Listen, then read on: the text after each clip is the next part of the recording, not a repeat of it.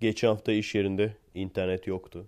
Ben de evde pdf olarak bazı dokümanlar indirdim. Sonra burada bastırmaya çalıştım. Meğer elinde doküman olsa bile wireless olarak yazıcıya bir şeyler bastırabilmek için gene internet bağlantısı gerekiyormuş. Öyle direkt bir bağlantı olmuyormuş yani bluetooth gibi falan. Onu fark edince dedim ben gene kafadan bir tane soru kağıdı hazırlayayım. Kendi zevkine göre bir soru kağıdı hazırladım. Daha sonra patron gördü. Gene şaşırdı. Oo Mr. Efe yine elinizde soru kağıdı mı hazırladınız dedi. Ben de döndüm ve dedim ki What can I do sometimes? Merhaba arkadaşlar. Nasılsınız? Keyifler nasıl? Kendinize iyi bakın arkadaşlar. Merhaba arkadaşlar. Nasılsınız? Keyifler nasıl? 47. podcast'e hoş geldiniz. Bakın bu sefer artık sayıyı biliyorum. Doğru mu lan? Yanlış olmasın. Hemen unutmadan bana gene şöyle bir din, bilim, felsefe türü bir siteden bir link yolladı arkadaş. Muhammed'in hocaları diye. Unutmazsam link koyacağım. Unutursam da Google'dan Muhammed'in hocaları diye aratırsanız bulabilirsiniz herhalde. Nasıl unutmayacağım bilmiyorum. Herhalde şeye koyarım. Cep telefonda yapılacaklar listesine mi koyayım artık ne yapacağım? Geçen podcast'te şey diye başlamışım. Onu da gene montajda fark ettim. Kırmızı Apa cevap yazısı yazmış birisi ama reklam olmasın diye link vermeyeceğim demişim. Ondan sonra da nasıl bulacağınızı anlatmışım detaylı. Olay şu. Çok basit bir sebebi var.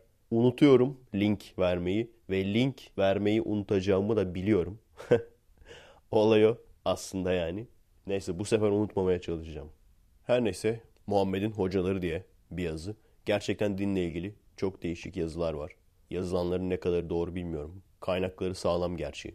%100 doğru bir şey diye anlatmayacağım tabii. Ama en azından kafamdaki bazı sorulara cevap oldu. Ben genelde dinlerin bilim kısmıyla ve mantık kısmıyla ilgileniyorum. Bunun felsefi kısmıyla ilgilenen var. Bir de böyle tarih kısmı var. Aslında her yönünü bilmek lazım. Tarih kısmı zor bir kısım. Çünkü kaynak ne olursa olsun %100 doğru olacağını bilemiyorsun yani. İnsanlar yalan deyip geçebiliyor. Bu yazıda Muhammed'e İncil ve Tevrat'ı kimlerin öğrettiğini yazmışlar. İlk karısı olan Hatice ile nasıl tanışmış?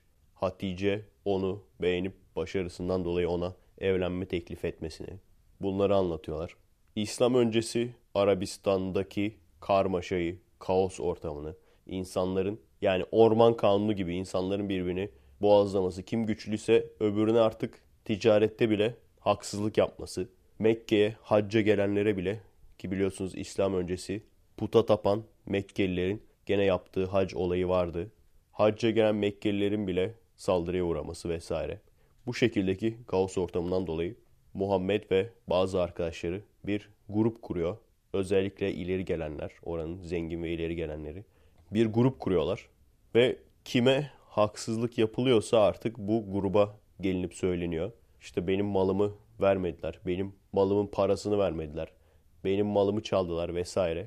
Gerçekten yol kesme yağma, hırsızlık çok fazla olduğu için bu grup nerede bir haksızlık varsa gidip evlerine kapılarına dayanıyor. Yani bizim buradaki gibi kapkaççılar değiller. Hepsinin evi, barkı belli. 3-5 kişi bir araya gelince çete oluyor. Vermeyeceğim paranı diyor. İşin içinden çıkıyor.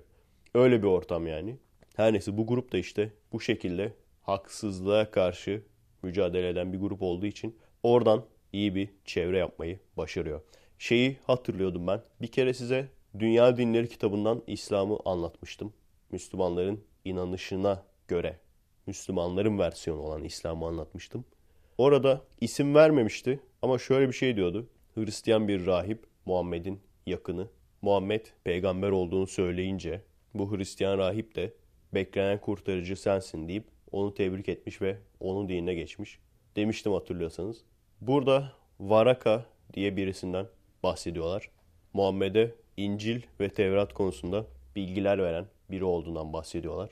Daha sonra Varaka'nın ayrıyeten hayatına baktığım zaman o rahibin Varaka olduğunu fark ettim. Yani Muhammed'in yanında olan ve Muhammed'in peygamberliğini onaylayıp onun yanına geçen rahibin Varaka olduğunu fark ettim. Bunun haricinde Selman-ı Farisi var.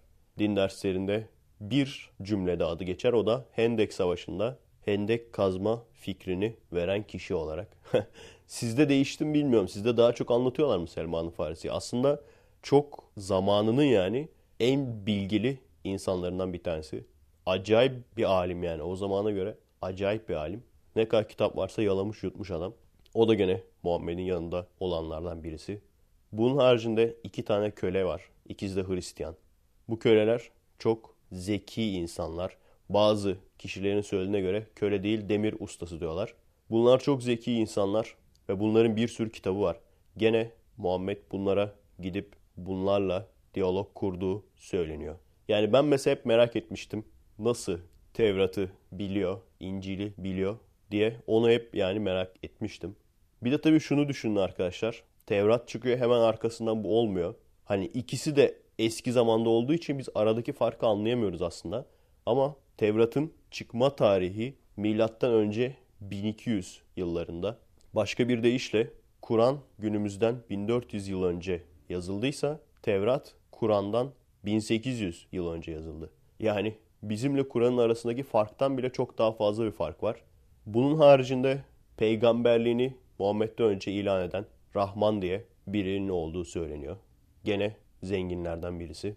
Hatta Muhammed'le mücadelesinde başarılı olamayınca, peygamberlik işini tutturamayınca Muhammed'e ortak peygamberlik teklif etmiş deniyor. Gene bazı rivayete göre İslam veya Müslüman kelimesini ilk Rahman ortaya çıkardı deniyor. Rahman'ın bir diğer adının Müslim olduğu söyleniyor. Hatta dalga geçmek için Müseylime diyorlarmış ve Kezzap diyorlarmış. Kezzap da çok yalancı anlamına geliyormuş. Ve Rahman'ın yazdığı bazı ayetler olduğu söyleniyor. Onu da gene liste olarak vermişler. Kur'an'daki ayetleri bazılarına çok benziyor. Genel olarak iddialar bu. Daha detaylı olarak yazıda okursunuz. Yüzde kaçı doğru, yüzde kaçı uydurma hiçbirimiz bilemeyiz. Ama dikkatimi çeken şu oldu. Kaynaklar arasında Turan Dursun öldürüldü. Bahri Öçok öldürüldü. İlhan Arsel öldürülmek istendi, yurt dışına kaçtı.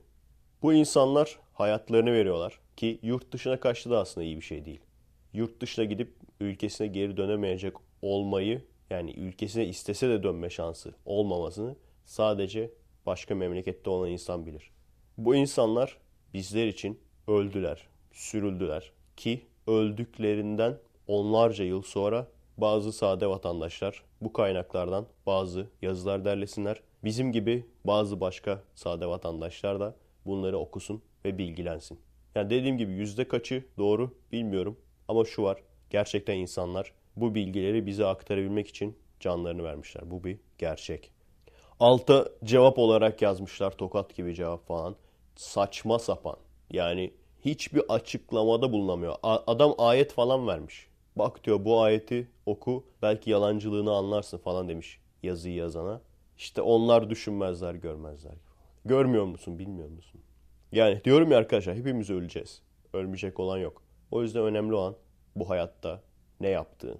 Ufacık bir şey bile katabildiysen 2-3 kişinin bile fikirlerinin oluşmasında küçük bir katkıda bile bulunabildiysen yaşamaya değer bir hayatın olmuş. Boşuna yaşamamışsın yani. Evet bu hafta sonunda huzur ve ifan yapamadım. Ben mi çok yavaşım bilgisayar mı çok yavaş hala karar veremedim. Geçen hafta çok değişik bir şey yapmıştım. Perşembe günü laptopu iş yerine getirdim. Salı başlamıştım ya çünkü. Perşembe akşam hem 20 dakikalık montaj yapıp hem de onun işte renderını yüklemesini paylaşmasını falan beynimin almayacağını fark ettim. Çünkü bir gün önce gene aynı şekilde uykumun arasında montaj yaptım. Bazen öyle oluyor. Rüyanda yapıyorsun montajı böyle. O yüzden hazır yapacak da işim yok diye bilgisayarı iş yerine getirdim. Mesaim başlayana kadar montajı bitirdim. O da iyi oldu. Bu hafta sonu bir tane video ile uğraştım. Cumartesi günü Columbia Tower diye bir yere gittik. Sanırım Seattle'ın en yüksek noktalarından bir tanesi. Space Needle'la tepeden bakıyorsun böyle. Daha detaylı neler yaptık anlatırım gizli Efekes'te. Burada yaşadığım maceraları orada anlatıyorum. Hem çok aşırı önemli olmadığı için hem de oraya konu kalsın diye. Yani benim hayatımda neler yaşadığımı o kadar merak etmeyen ama genel olarak konuştuğum konularla ilgilenen Bilimle ilgili olsun, güncel konularla olsun. Bu arkadaşlar normal FKS'lerle yetinebilirler. Onları da sıkmayalım diye aynı zamanda. Yani bir nevi gizli FKS'ler kamera arkası gibi oluyor. Yani genelde mesela YouTube videocuları öyle yapıyor. İşte üye olanlara ekstra olarak kamera arkası görüntülerini veriyoruz falan. Bu da FKS'lerin kamera arkası gibi. Belki geldiğimden beri yapmış olduğum çekimleri birleştirdim ve bir klip yaptım. Bazıları eski çekimlerde var. Bir iki tanesi. Ama yarısından fazlası hiç yüklemediğim çekimler. Seattle'ı güzel bir şekilde tanıtıyor. Bu sefer konuşmalı değil, konuşmalısını ileride yapacağım. Belgesel şeklinde konuşmalısını ileride yapacağım. Bu seferki klip şeklinde.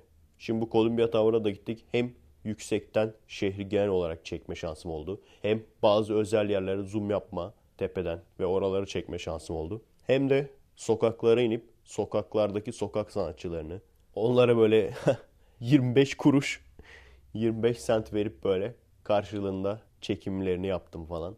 Birkaç kişi öyle yaptım. Ondan sonra ne bileyim çimlerde otlanan ördekler ve arka planda işte şehir manzarası falan. Yani her çeşit karışık, karma güzel bir şey oldu.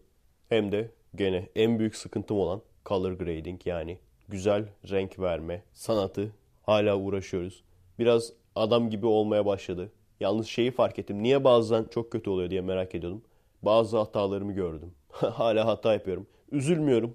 Yani bu konuda başarılı olabilmiş olmamın sebeplerinden bir tanesi şu.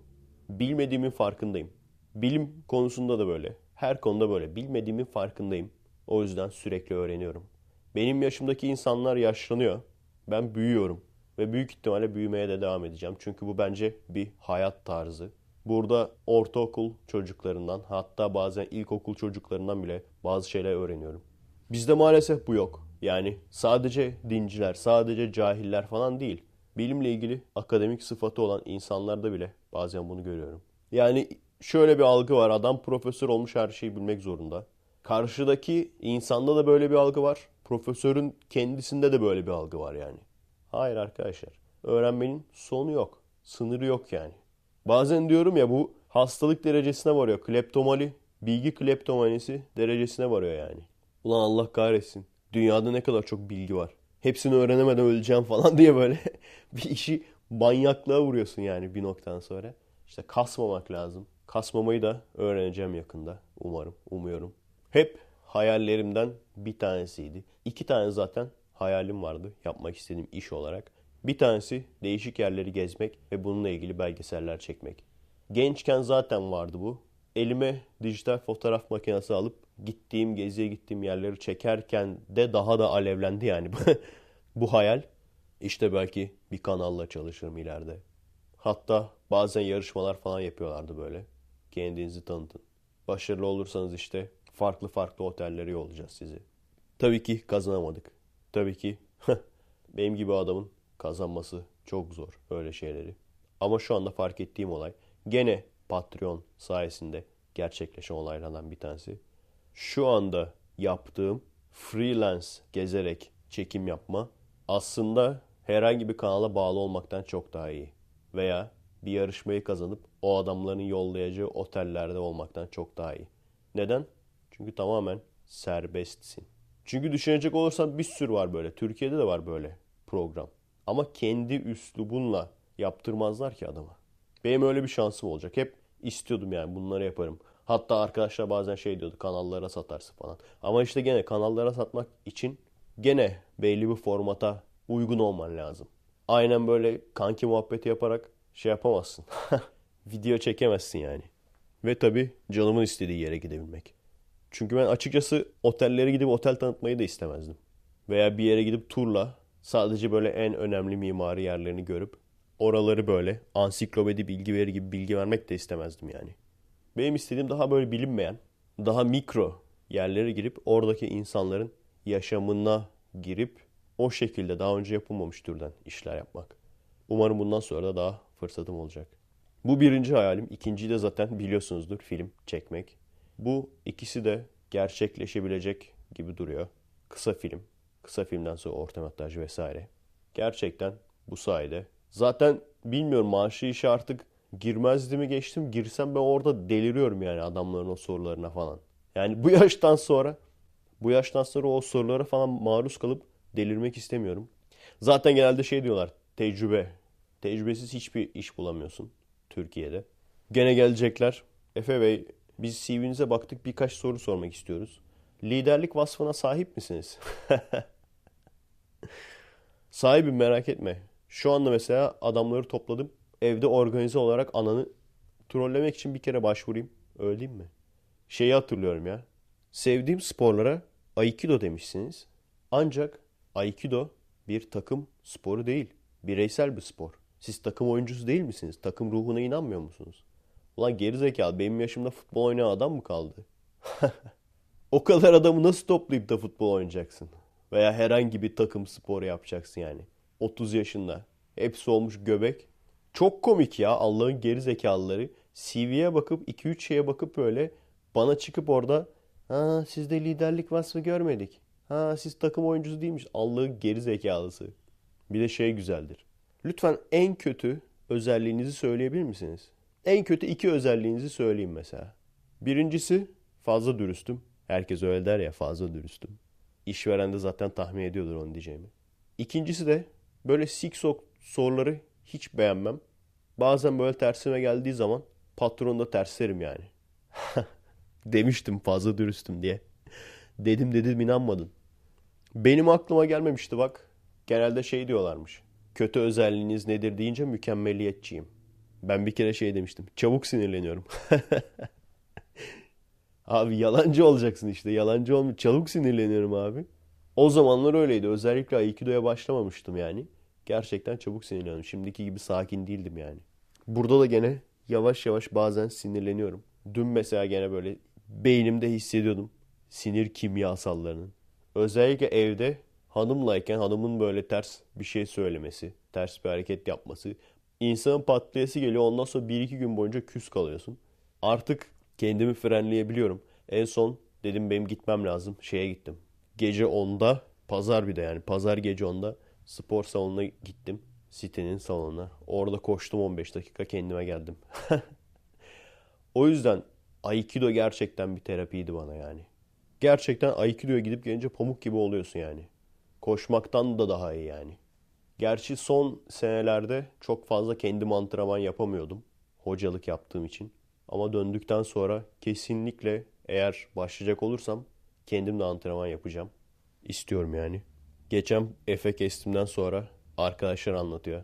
Onların da etrafında böyle HDP'li değilim ama HDP'ye oy veriyorum diyen entel kızlardan varmış. Şeye üzülüyorum. Benim de var öyle bir tanıdığım. Zamanında gerçekten ben böyle hani asosyal bir nerd iken acayip popüler birisiydi. Sadece görüntüsünden, tipinden dolayı değil. Hem ne bileyim sporda böyle kaptanlık yapardı. Hem böyle işte kültür kolu türü şeylerde falan gene en baştaydı falan. Yani sosyallikte patlamış birisiydi. Ve yani ne kadar ulaşılmaz olduğunu siz düşünün benim için. Şu an bakıyorum işte o muhabbetleri o da yapıyor. Facebook sağ olsun herkesin ne paylaştığını görebiliyoruz. Ne kadar ulaşılmazdı o zamanlar. Şimdi şu anda hiç sıfır yani benim için. Ne kadar ilginç. Büyük ihtimalle sizlerin de birçoğu bu konumda yani fazla arkadaş olmayan asosyal ve böyle işte ulaşılmaz kızların arkasından böyle ağzı açık bakan, anca hayal kurabilen, ulaşamayan bile yani hani arkadaş olmak için bile ulaşamayan yani. Hani sanki farklı iki türmüşsün gibi. Böyle çok insan olduğunu farkındayım. Bana bir iyilik yapın arkadaşlar. Beni seviyor musunuz? Beni mutlu etmek istiyor musunuz? Büyük adam olun. Size şimdi çok önemli bir bilgi vereceğim. Aydınlanacaksınız. Benim 30 yaşına geldiğim zaman anca fark edebildiğim bir gerçek. Size bunu bedavadan veriyorum. Hazır mısınız aydınlanmaya? Hazırsanız söylüyorum bilgisayar oyunları eğlence amaçlıdır. Aydınlandınız mı? Kendini geliştirmek için herhangi bir şey yaparsın veya ders çalışırsın. Boş zamanında kendini ödüllendirmek için oynadığın bir oyun türüdür. Başka bir deyişle tatlı yemek gibidir. Sürekli tatlı yersen birincisi şişmanlarsın. İkincisi senin için zararlı. Üçüncüsü normal yemek yiyemezsin. Sağlığın da bozulur. Dördüncüsü de o tatlıdan normalde aldığın zevki bir noktadan sonra alamazsın. Sürekli aynı şeyi yediğin için. Bu neden söylüyorum? Birçok sebebi var. Bir tanesi bilgisayar oyunlarında mesela bazıları gerçekten emek istiyor. O artık stres atmak veya işte başka bir dünyaya gidip böyle kendini kaybetmek falandan ziyade emek istiyor yani. Öyle emek isteyen oyunlar var ki gerçek hayatta o kadar emek versen zengin olursun. Bunu ben çok geç fark ettim. Şu anda bunu fark edip fark etmemek size kalmış. Özellikle yaz tatili gelecek. Bütün yaz tatilini sabaha kadar bilgisayar oynayarak ve başka hiçbir şey yapmayarak geçiren çok insan biliyorum. Eski çocukluğumdan da böyle insanlar vardı. Şimdi de böyle insanlar tanıyorum. Bunu yapmayın. İlla zorla birinin size görev vermesi, zorla birinin size ders, ödev vermesi gerekmiyor. Yazı kendinizi geliştirebilmek için bir fırsat olarak görmeniz lazım. Ders sıkıntınız yok mu? O zaman İngilizce kursuna yazılın paranız varsa. Paranız yoksa İngilizce çalışma kitapları alın. İngilizce setleri alın. Veya hangi ülkeye gitmek istiyorsanız o ülkenin dilini. Bunun haricinde birçok şey yapabilirsiniz. Bilimle ilgili çalışabilirsiniz.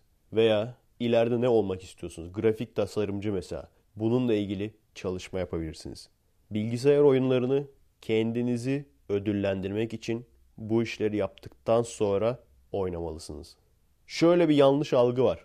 Şu anda bir sürü gamer bunu düşünüyor. Çok iyi oynarsam sponsorluk alıp para kazanabilirim. Birincisi her şeyden önemlisi evet bizim zamanımızda da vardı. Herkes birbirine bunu diyordu.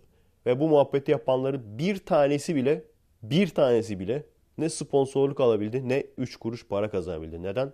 Çünkü oyun oynayarak gerçekten hayatınızı geçindirebilecek kadar yani para kazanabilmeniz için manyaklık seviyesinde oynamanız lazım. Yani dünyayı falan her şeyi bırakmanız manyaklık seviyesinde oynamanız lazım.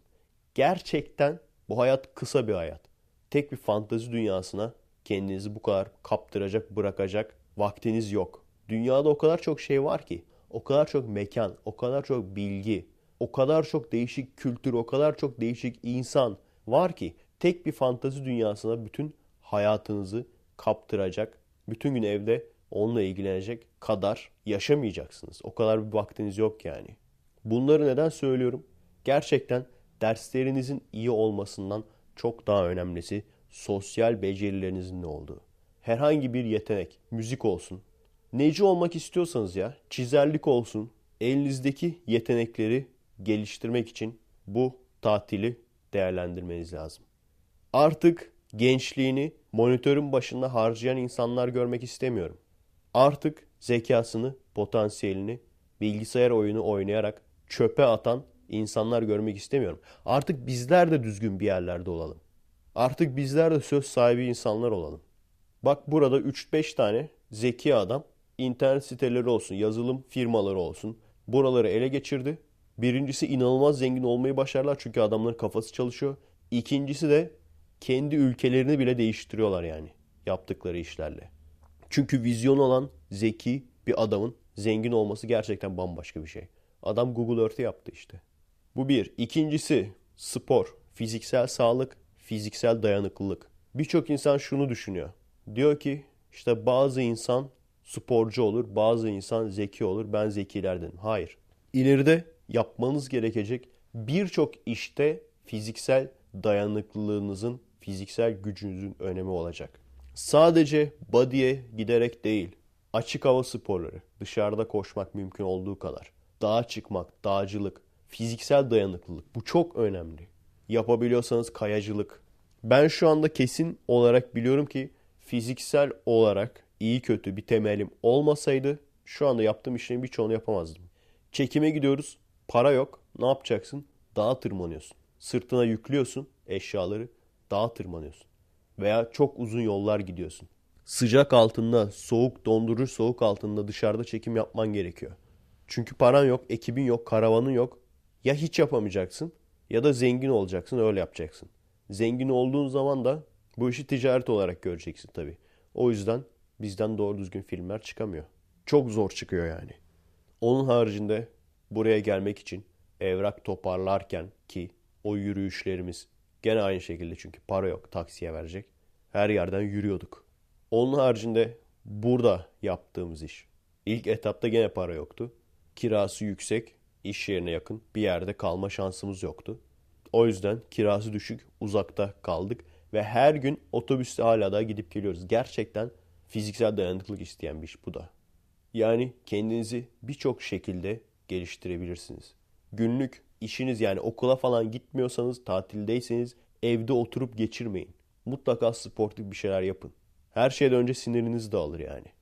Dediğim gibi arkadaşlar, beni mutlu etmek istiyor musunuz? Büyük adam olun.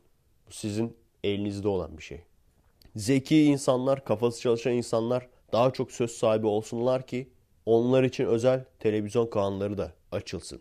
Onlar için özel programlar da olsun. Onlar için özel gazeteler de olsun. Şu an anca fanzin. en altından falan. Yani bu işte sadece güzel olduğu için popüler olan, kendini bir şey sanan kızlara bu kadar meydan boş kalmasın. Meydan onların olmasın yani. Artı meydan kafasını hiç çalıştırmayan ama işte babadan gelme arabası olduğu için sosyal statü olarak potansiyeli çok yüksek, çok zeki insanlardan çok daha yukarıda olmasın artık. Kendinizi geliştirin arkadaşlar. Elinizdeki parayla, vakitle boş işler yapmayın. Yapacaksanız da az yapın. Evet benim mesai başlar arkadaşlar. Şimdilik kendinize iyi bakın. Yarın görüşürüz.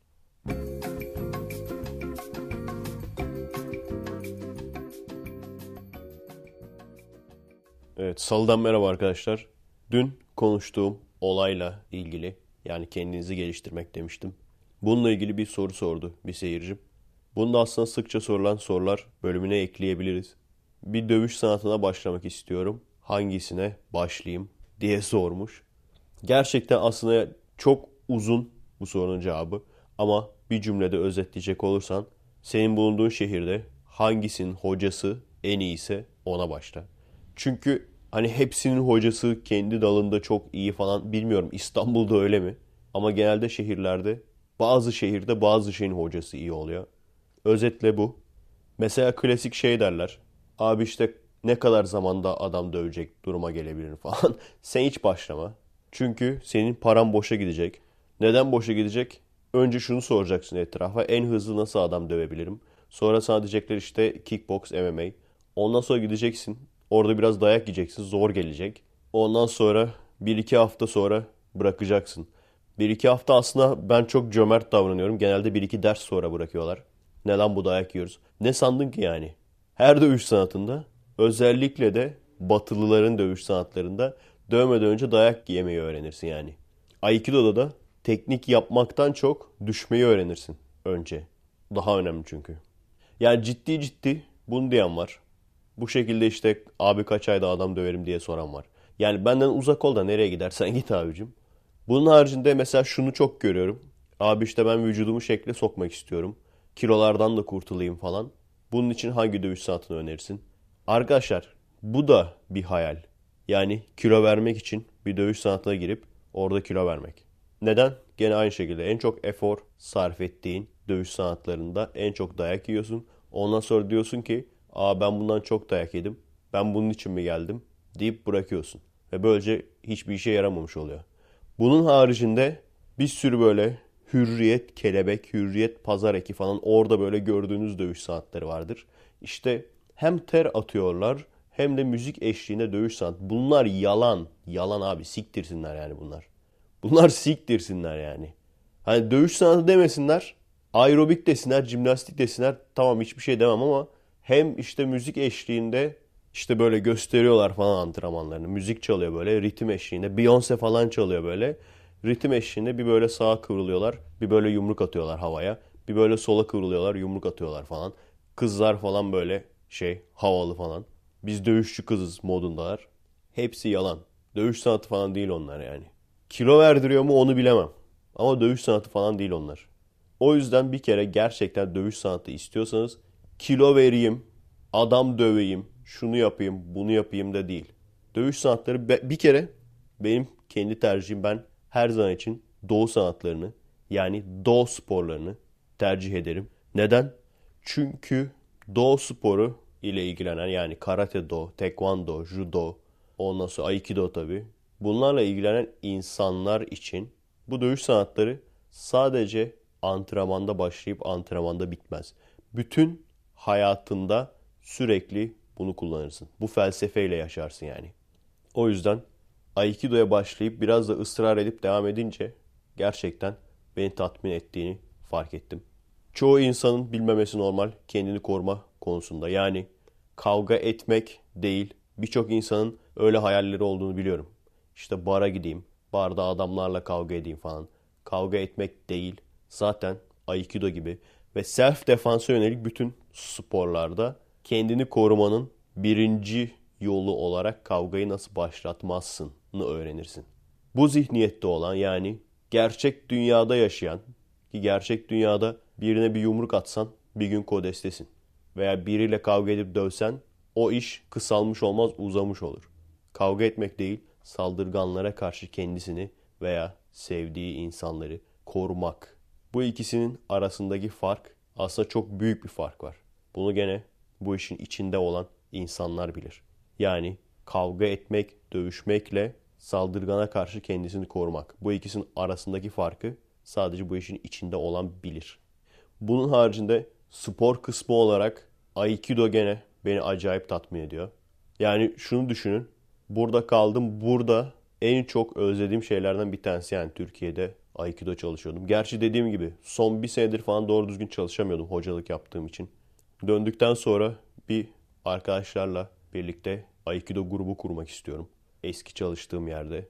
Maksimum ben dahil 5 kişi olacak. Ben de çalışacağım, antrenmanlarda olacağım. Şeyi hatırlıyorum ilk başladığım aylarda gerçekten terlemiyordum bile. Çünkü ilk böyle her şeyin temelini öğrendiğimiz için oturup genelde bakmakla geçiyordu olay. Oradan çıkıp spor salonuna falan gidiyordum. Beni kesmiyor diye. Ama ondan sonra işte kuşaklar ilerledikten sonra öyle bir başladık ki yani o bir saat geçmiyordu bir türlü. Sürekli saate falan bakıyorduk. Hele ki 3 kişi çalışsak bile. Hani 3 kişi çalıştığın zaman 2 kişi çalışıyor, üçüncüsü nefes alıyor. Ondan sonra o üçüncüsü giriyor. Diğer diğer nefesleniyor yani. O zaman bile gerçekten insanı yoruyor. Gerçekten eve döndüğüm zaman sanki böyle dağa çıkmışım, trekking'e gitmişim. Böyle 20 kilometrelik bir dağ yürüyüşü yapmışım, gelmişim gibi hissediyordum yani. Dediğim gibi bununla ilgilenen varsa, İzmir'de oturan varsa, bununla ilgilenen varsa, bunun avantajı, kuracağım olayın avantajı, önceden bir temelinizin olmasına gerek yok. Çünkü genelde öyledir. 3 yaşında falan böyle artık yazdırırlar çocuğu derler o çok geç falan. Bazı yerler öyledir yani. 3 mü çok geç abi. Ana karnına yazdırmanız lazımdı. Ben şimdi nasıl bunu müsabakaya sokayım? Bizde öyle bir şey yok yani. Hani derslerden dolayı biz nerd gençliğiz ya derslerden dolayı bu tür aktivitelere geç kalmış olsak bile ben kendim 23 yaşına başlamıştım mesela. Temel olmasına gerek yok bir. İkincisi gerçekten yapacak insanlar gelsin. Lise falan istemiyorum. Üniversite ve üstü. Ve bu işi para için yapmayacağım için aidatı tabii ki salon sahibine falan para vermemiz gerekecek. O yüzden bir aidat olmak zorunda. Aidatı minimum tutacağım ve gerçekten fiziksel kapasitesi yani genç insanlar, yaşlılar veya bayanlar aslında bayanlar da çok iyi yapabilir bu işi. Ama fiziksel olarak farklı olduğu için benim de artık amacım öğretmek değil kendim antrenman yapmak olduğu için dediğim gibi bir bakacağım abi diyenleri değil gerçekten internetten araştırmış Aikido'yu. Gerçekten hoşuna giden ben böyle bir yolda ilerlemek istiyorum. Bunu hayatıma eklemek istiyorum. Bu felsefeyi hayatıma eklemek istiyorum. Bu artık benim için bir yaşam tarzı olsun istiyorum diyen ciddi adamları alacağım. Çünkü neden? Çok öğrencim oldu. Bunun haricinde ben kendim de bir sürü farklı dojoya gittim. Şöyle bir şey var. İnsanlar ne kadar iyi niyetli olursa olsunlar yaş farkı çok fark ediyor. O yüzden mesela otellerin falan böyle spor salonlarında bazen aikido verildiğini görüyorum. Hiçbir zaman düzgün ders verildiğini, düzgün aikido yapıldığını görmedim. Bunun da işte daha önce söylemiştim temeli. Yani hani iş adamları falan geliyor. İş adamları öyle lakayt falan demek istemiyorum. Birçoğu içlerine çok ciddi olanlar da var. Ama dediğim gibi o yaştaki adamın yapabileceği şeyler sınırlı.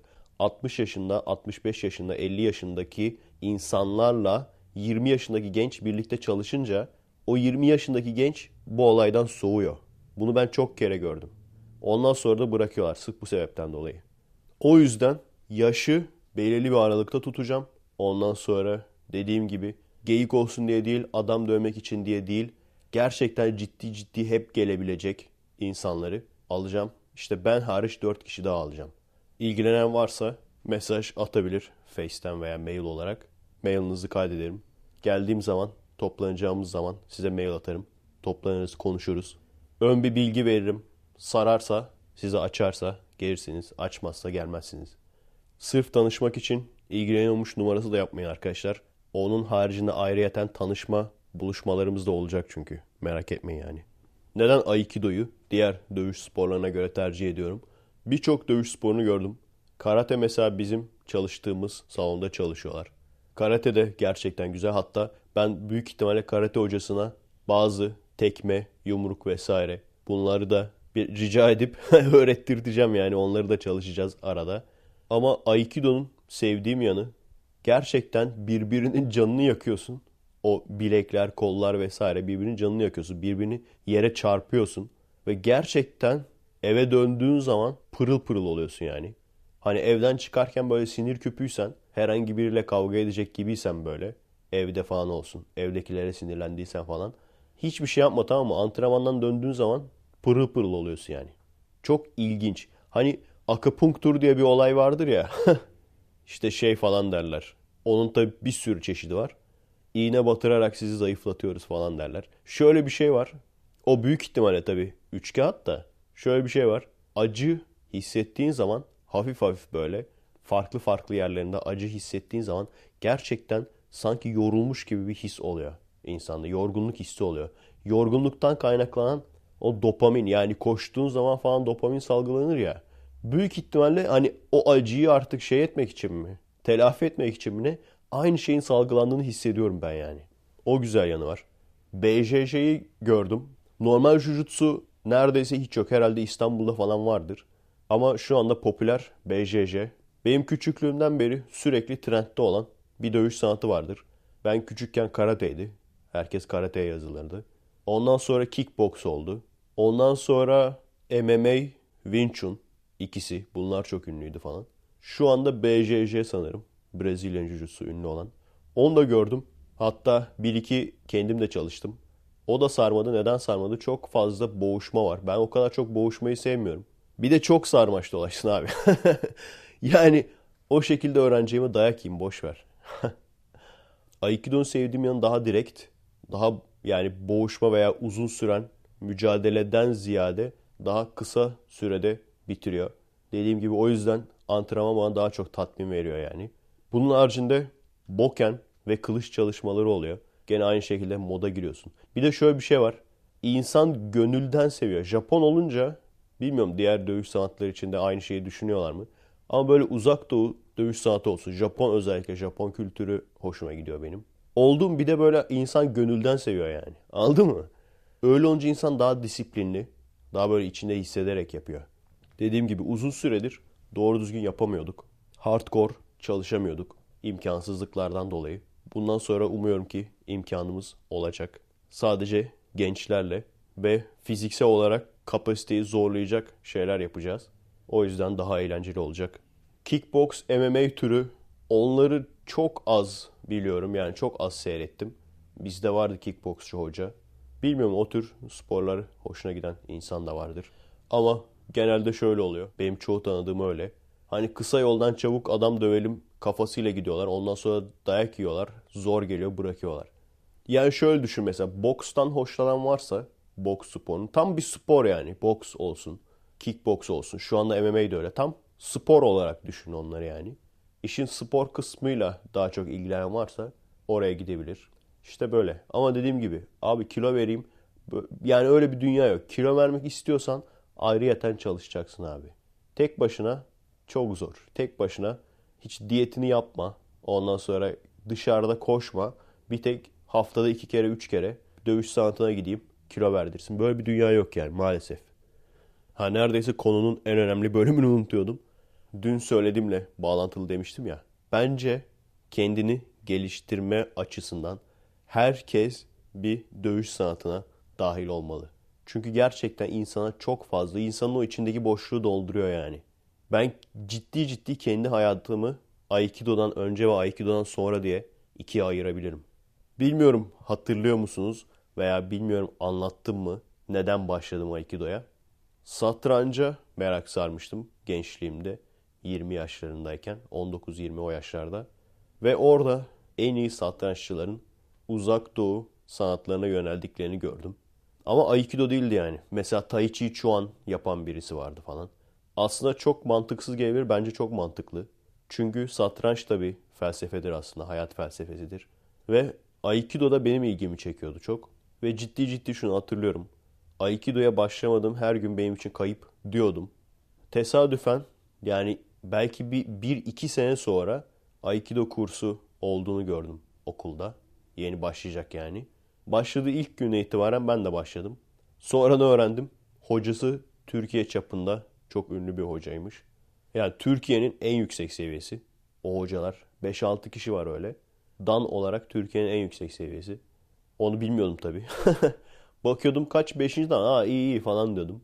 Ve oradan sonra zaten kendi kafamda insanlarla tanıştım. Gerçek anlamda bir arkadaş grubum oldu. Ortak sevdiğimiz şeyler olan. Gerçekten güzel günlerdi yani. Çok da sevdiğim için hep disiplini tuttum. Hiç ders falan kaçırmadım. Çok kısa sürede zaten siyah kuşak aldık biz. Rekor sürede diyebiliriz yani diğer arkadaşlara göre. Hiçbir sınavı kaçırmadık. Her sınavda hazır olduk. Ek böyle dışarıda falan bir araya gelip çalışıyorduk çünkü. Onları hatırlıyorum yani. A2 Web diye site vardı. Toplamda 100 küsür sayfa falan makale vardı orada. Hepsini böyle bastırıp onları falan okudum. Astronomi derslerine falan okuyordum. Astronomiyi de seviyorum aslında ama bölüme giden bilir. Bazı dersler var ki kafa açma dersi yani. İşin fizik kısmını, hesaplama kısmını, türev bilmem ne, integral o, o kısmını sevmiyorum yani ben. Teorik mekanik falan o, ne adamın ne anlattığını bilmiyorum yani. Hala da bak geçtim dersi hala adamın ne anlattığını bilmem. Üçüncü kerede mi, dördüncü kerede mi, beşinci kerede mi öyle bir şeyde geçtim yani. Hala adamın ne anlattığını bilmem yani. Kalıp olarak sorular falan böyle çalıştık, ezberledik, çözüm yollarını ezberledik. Bilmeden çözdük. en sonunda bir de hoca değişmişti galiba. Hocanın asistanı gelmişti bir seneliğine falan. Öyle olunca temizliyor herkes abi. Öyle geçtik.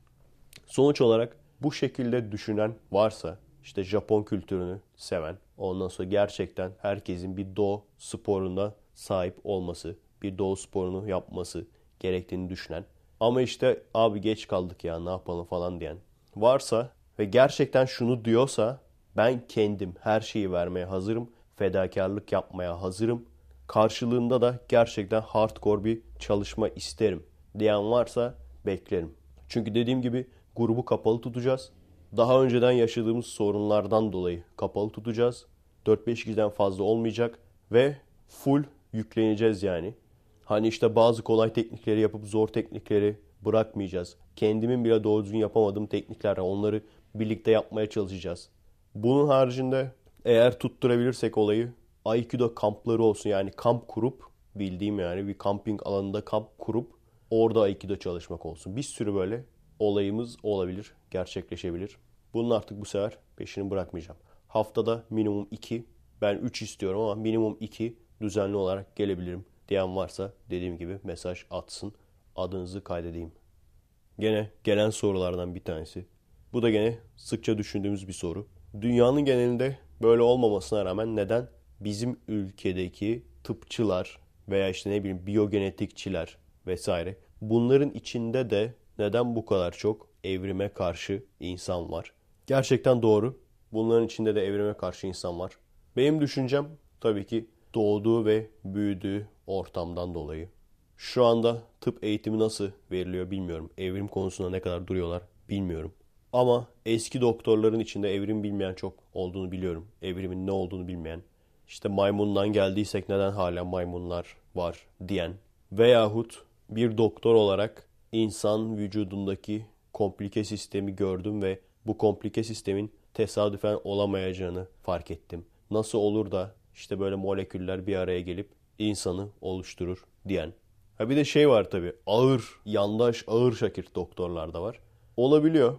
Tıbba giden insan demek ki o kadar evrim öğrenmek zorunda kalmıyormuş demek ki. Veya işte biyogenetik vesaire. Bunların içinde biyolojici bile var ya.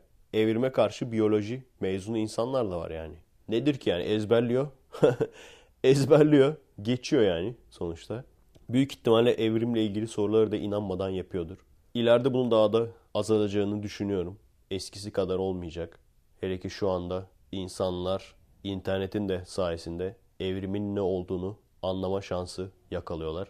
Aslında düşünecek olursanız evrimin gerçekten ne olduğunu bilen birisi insan vücuduna baktığı zaman bir sürü atrofiye uğramış, kullanılmayan organından tut, hatalı bağlantısına, alerji bilmem ne yani aslında hepsini düşünecek olursan bir sürü şey vücutta hata aslında.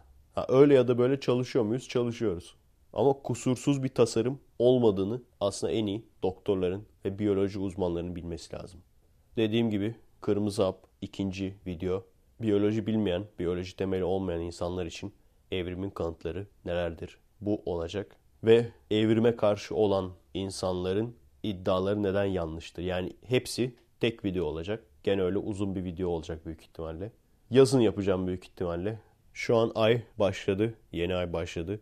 Ama henüz karttan çekimler tamamlanmadığı için destek olanların ve sponsorların tam listesini göremiyorum henüz. O yüzden onu haftaya söyleyeceğim. Canlı yayın büyük ihtimalle bu pazar Türkiye saatine göre pazar akşamı olur. Bunun haricinde gizli Efekest büyük ihtimalle elinize geçmiş olacak. Bazen şöyle oluyor. Gizli Efekest elime geçmedi diye mesaj atanlar oluyor. Cepten olduğum için yollayamıyorum linki bazen. Ondan sonra unutuluyor. Şu anda unuttuğum var mı bilmiyorum ama eğer unuttuğum varsa salladığımdan değil. Tekrardan mesaj atabilirsiniz yani önemli değil. Sonuçta bu benim için bir sorumluluk. Ama gerçekten bir sorun sıkıntı olması lazım. Çünkü yani belki karttan henüz çekmemiştir. Belki yeni üye olmuşsundur. Her şey olabilir.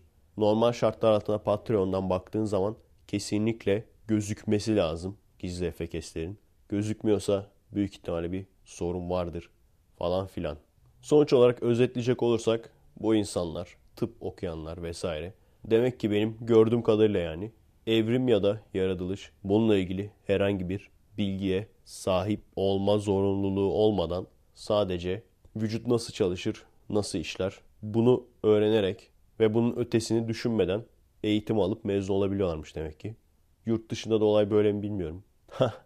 Gerçi yurt dışında tıp böyle mi diyorum ama burada evrimi 3. sınıflar okuyor.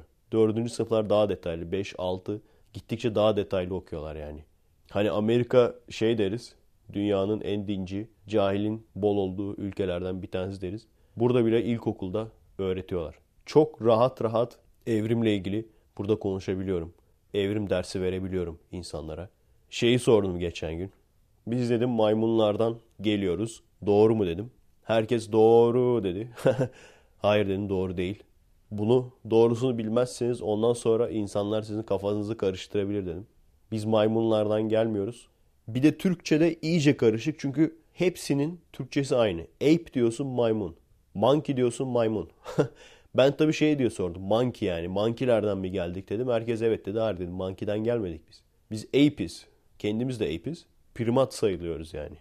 Monkey denilen maymun yani ile hatta şempanze ve bonobo ile bizim ortak bir atamız var. Çok ilginç. Mesela baya her şeyi bilen çocuklar var. Kafası çok çalışan çocuklar var yani. Onlara sordum. Onlar da böyle bir kaldılar. Şey dedim mesela. Şu anda dedim o şeyleri anlatıyordum. İnsanlarla Neandertallar zamanında bir araya gelmişler. Hatta çiftleşmişler. Çocukları olmuş. Nereden biliyoruz? İnsanların bazılarına Neandertal geni bulunduğu için. Peki dedim şu anda insana en yakın hayvan şempanze diyoruz. O zaman dedim bir şempanze ile evlense bir erkek bir dişi şempanze ile evlense mesela çocukları olur mu? Herkes böyle kaldı. Kimse hayır demedi. Herkes evet dedi. Peki nasıl olur falan dedim böyle. İşte yarı maymun, yarı insan falan. Hiç hayatınızda gördünüz mü böyle yarı maymun, yarı insan? Gerçi yarı maymun, yarı insan diye yazsan Google Images'dan çıkar kesin bir şeyler. En kötü cumartesi balık tutma yasağına uymayıp aşağılık maymunlar olanlar çıkar. Çok ilginç bazı yani çok basit şeyleri bilmemeleri. Stealth uçak teknolojisini bilip de bunu bilmemeleri mesela. Tabi nasıl oluyor da Neandertal'la çocuk sahibi olabiliyorken şempanzeyle olamıyorlar. Aslında düşünecek olursanız Neandertal'ı da biz farklı tür diyoruz. Tabii ki olay şu. Birbirinden yeterince uzaklar. Yani tür olarak, genetik olarak insanlarla şempanzeler veya insanlarla bonobolar genetik olarak birbirine yeterince uzak. İnsanla Neandertal genetik olarak birbirine yeterince yakın. Her nasıl görüntü olarak farklı olsalar da genetik olarak demek ki yakınlar. Yani sperm yumurtayı bulabiliyor yani. Sperm yumurtayı bulabiliyor. Embriyo gelişebiliyor. Geliştikten sonra bebek olabiliyor. Bebek olduktan sonra kendisi de kısır değil, normal sağlıklı bir birey olarak büyüyebiliyor. İlginç değil mi? Bunu da aslında biyoloji uzmanlarına sormak lazım. Aslında Homo sapiens ile Neandertal madem çiftleşip çocuk yapabiliyor ve bu çocuklar da kısır değil, sağlıklı. Çünkü sağlıklı olmasalar kanında Neandertal geni olan insanların olmaması lazımdı. O zaman neden bu ikisine farklı tür diyoruz diye sorabiliriz. Belki de farklı tür denmiyor. Biz öyle sanıyoruz. Değil mi? Biyoloji uzmanları belki onları farklı tür demiyor. Belki farklı alt tür falan diyor olabilirler. Böyle belki falan diyorum ya, bilmiyoruz falan diyorum ya. Şakirt reisler kendinden geçiyor bunları duyunca. Şeyde falan da dedim ya, tanrı kavramı yani kusursuz, mükemmel tanrı kavramı sorularımıza cevaptan çok daha büyük çelişki yarattığı için büyük ölçüde doğru değildir. Orada büyük ölçüde dedi. Demek ki kendi de bilmiyor. Ha yavrum he. Genelde mesela bizim insanların düştüğü bir tuzak var. Şimdi karşıdaki böyle deyince altta kalmamak için bizimkiler de emin gibi davranıyorlar. Hayır o eleman kendi dünyasında kendi bilim değil de ilim yani. Anladın mı? Bilim değil de ilim dünyasında oradan işte 3'ü toplayıp 3'e 5 koyup 19'u bulup kesin %100 kanıt bulundu diye o oynamaya devam etsin kendi kum havuzunda. Ama gerçek dünya böyle değil. Bir şeyi kesin olarak bilmiyorsak kesin olarak bilmiyoruz demekten çekinmememiz lazım. Kesin olarak bilmiyor dedi. İstediği kadar desin abi hiç önemli değil. Onlar dediğim gibi kendi ilim, ilim adını verdikleri kum havuzunda oynamaya devam etsinler. Sırf bu adamların altında kalmamak için bu adamların yaptıklarını yaparsak yani %99 bildiğimiz bir şeyi bile kesin biliyoruz demememiz lazım. Karşıdaki istediği kadar konuşsun. Eğer bunu yapmazsak o adamların kum havuzuna biz de girmiş oluruz. O yüzden hani evrime karşı konuşurken şey diyorlar ya Darwin şurada hata yaptı falan. Çünkü adamların dünyası öyle yani. Bilmem ne hoca efendi her şeyi bilir. O adamın yanlış söylediği bir şey asla yanlış olamaz. Gerekirse fizik kurallarını değiştiririz yani. Aldı mı? yani gerekirse o hoca efendinin dediğin doğru yapmak için fizik kurallarını değiştiririz. Adam orada çıkar sobayla konuştuğunda olabilir abi. Soba bazen konuşur sobalar yani. Var. 1946'da Japon bilim adamları sobayla kon var yani. herkesin hata yapabileceğini, herkesin bilmediği şeylerin olabileceğini demiyorum, olduğunu herkesin bilmediği şeyler vardır. Herkesin yanlış bildiği şeyler vardır. Bizim yapmamız gereken bunu kabul etmek. Evet karşıdaki adam ilimi bilim yapan adam yani. ilime bilim diyen adam. Bunu kabul etmiyor olabilir. Ama onun bileceği iş. Dediğim gibi biz onun kum havuzuna girmemeliyiz. Evet. Gene benim mesainin başlamasına 10 dakika kaldı. 3 hafta kaldı ya çocukları özleyeceğim. Bir de işin güzel yanı her türlü yaştan çocuklarla ilgilendiğiniz için bir sürü farklı sınıf var. Yani 2,5 yaşında çocuk da var burada. 11 yaşında çocuk da var. Canın sıkılınca yani böyle gidip bebeklerle falan oynayabiliyorsun. Küçüklerin olduğu sınıfta 3 yaşında mı 3,5 yaşında mı bir çocuk var. Çocuğun özelliği diğer çocuklarla yalnız bıraktığın zaman gidiyor en zayıf olana tamam mı? Ondan sonra elindeki oyuncağı böyle tutuyor söküp alıyor. bir iki kere yakaladık. Bir kere kameradan yakaladık falan böyle. Şimdi artık güvenlik kamerası falan da var. Ondan sonra mesela sen o oyuncağı çocuktan alıp diğer küçük çocuğa verince buna da işte sana time out vereceğiz. Time out dedikleri de işte ceza köşeye koyuyorlar falan. Öyle bir şey deyince ağlamaya başlaması. Ondan sonra bazen başka çocukların elindeki oyuncağı almaya çalışması böyle çekiştirmesi. Bu sefer gücü yetmeyince gelip şikayet etmesi. Bize zulüm yapıyorlar. He's not sharing. Oyuncağı paylaşmıyor. Zulüm var demesi. Şimdi bir şey soracağım. Tabii ki tesadüf olabilir ama çocuğun ailesinin dini ne? Hadi tahmin edin. Tek, tek bir tane o dinden olan bir tane aile var. Onun çocuğu da bu. Çocuk kesinlikle kötü bir çocuk değil. Çünkü biz böyle güç sahibi insanlarız ya o yüzden bizleri falan seviyor yani. Bize böyle atarlanmıyor. Ama çocuğa diyorsun bir daha yapacak mısın? Yapmayacağım diyor. Koyuyorsun. Sen oradayken bir şey yapmıyor. Sen gittiğin anda kameradan görüyorsun. Gene aynı. Hiç değişmiyor. Alıyorsun gene köşeye koyuyorsun. Ağlıyor. Bize diyor zulüm var. Bize zulüm var demiyor tabii. Onu ben ekliyorum. Ağlıyor. Ondan sonra gene diyorsun yapacak mısın? Bir daha yapmayacağım diyor. Koyuyorsun. Ortamdan kaybolunca gene yapıyor. Hiç hiç öğrenmedi çocuk yani. Söylemeyeceğim. Hangi din olduğunu söylemeyeceğim ailesinin ama şimdi bu tesadüf de olabilir tabii. Ama gerçekten hani çocuğun gidip de böyle gücü yettiği kişilerin elinden oyuncağını almış. Bir de vuruyor falan yani. Ki burada hani Türkiye'deki gibi değil. Türkiye'de çocuklar birbirine vurunca aferin aslan oğlum ne güzel vuruyorsun falan. Övünürler yani. Burada öyle bir şey yok yani. Çocukluktan sorunlarını şiddetle çözemeyeceğini aşılıyorlar insanlara. Bu böyle vuruyor, ittiriyor falan. Elindeki oyuncağı alabilmek için. Ondan sonra dediğim gibi başka gücünün yetmediği biri olduğu zaman geliyor bize söylüyor falan. tamam mı? Yani tesadüf de olabilir ama çok ilginç bir tesadüftür yani tesadüfse de. Büyük ihtimalle öyle öğrenmiş. Hani güçlü, zayıfa bunu yapar. Bu bir kuraldır diye bunu öğrenmiş herhalde bir yerden. Yazık. Birkaç tane çocuk var. Bu çocuk da onlardan bir tanesi. İşte yazmayı öğretmeye çalışıyorlar. Yazamıyor düzgün. Sildiriyorlar baştan yazdırıyorlar yazamıyor. Yani gerçekten 2-3 tane çocuk var o sınıfta. Çok fazla yok. Yani maksimum herkes olduğu zaman 5 çocuk falandır.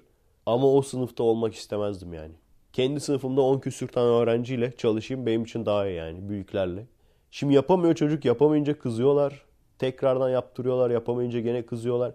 Şimdi şöyle bir durum var. Herkes üstün zekalı olacak diye bir kural yok ki. Şimdi onun babasına desem babası belki benim çocuğum geri zekalı mı diyecek. Ama işte hayır normal yani. Normali o aslında. Diğer çocuklar çok zeki. Mesela 3 yaşında yazı yazmak ne demek lan? yazmak bile düzgün yazmak yani. Herkese öyle derler ya öğretmenler. Velilere öyle der. Veliler de yazık inanır. Ben bu işi yapmazken Türkiye'deyken çocuk sahibi anne babalar bana derlerdi. Benim çocuğum çok zekiymiş de işte uğraşmıyormuş. Benim çocuğum çok zekiymiş de haylazmış. Öyle bir olay vardır. Çocuğunuz ortalamanın üzerinde zekaya sahip. İyi de bunu her veliye söylüyorlar. Düşün bakalım her çocuk ortalamanın üzerinde zekaya sahip olabilir mi? Yani öyle bir şey olsa çan eğrisi diye bir şey var. Ortalamanın üzerinde zekaya sahip olmak ortalama olur bu sefer. Yani yazık o çocukların da annesi babası şey diye düşünüyor herhalde. Benim çocuğum geri zekalı bak herkes yapıyor o yapamıyor. Hayır o normal. Yani 3 yaşında yazı yazmak diye bir şey zaten üstün zeka gerektirir. Senin çocuğun normal yani. Diğerleri zeki desen olmaz işte. Gene aynı çocuk ilk başladığı zaman çalışmaya yemeğini falan yemiyordu mesela. Yanına gidiyordu öğretmeni. Yanına geldiği anda çocuk hemen korkup yüzünü kapatıyordu. Tokatlayacaklar beni diye. Evde artık ne oluyorsa öğretmenler falan böyle birbiriyle konuşuyorlar. Allah Allah niye bu çocuk böyle ya falan bak o kadar öğretiyoruz tamam diyor hiç düzelmiyor falan. Neden acaba falan. Bana sorun abi siz onu bana sorun. Nedenini ben bilirim. Tabii ben hiç karışmadım hiçbir şey söylemedim. Ama nedeni çok net belli yani. Yetiştirilme. Çekirdekten yetiştirilmesi. Evet arkadaşlar benim mesai başlar. Bir saati geçtiysek Haftaya görüşürüz. Kendinize iyi bakın. Adresimiz youtube.com bölü kommek, twitter.com bölü kommek. Destek olmak isteyen arkadaşlar için patreon.com bölü Efe Aydal.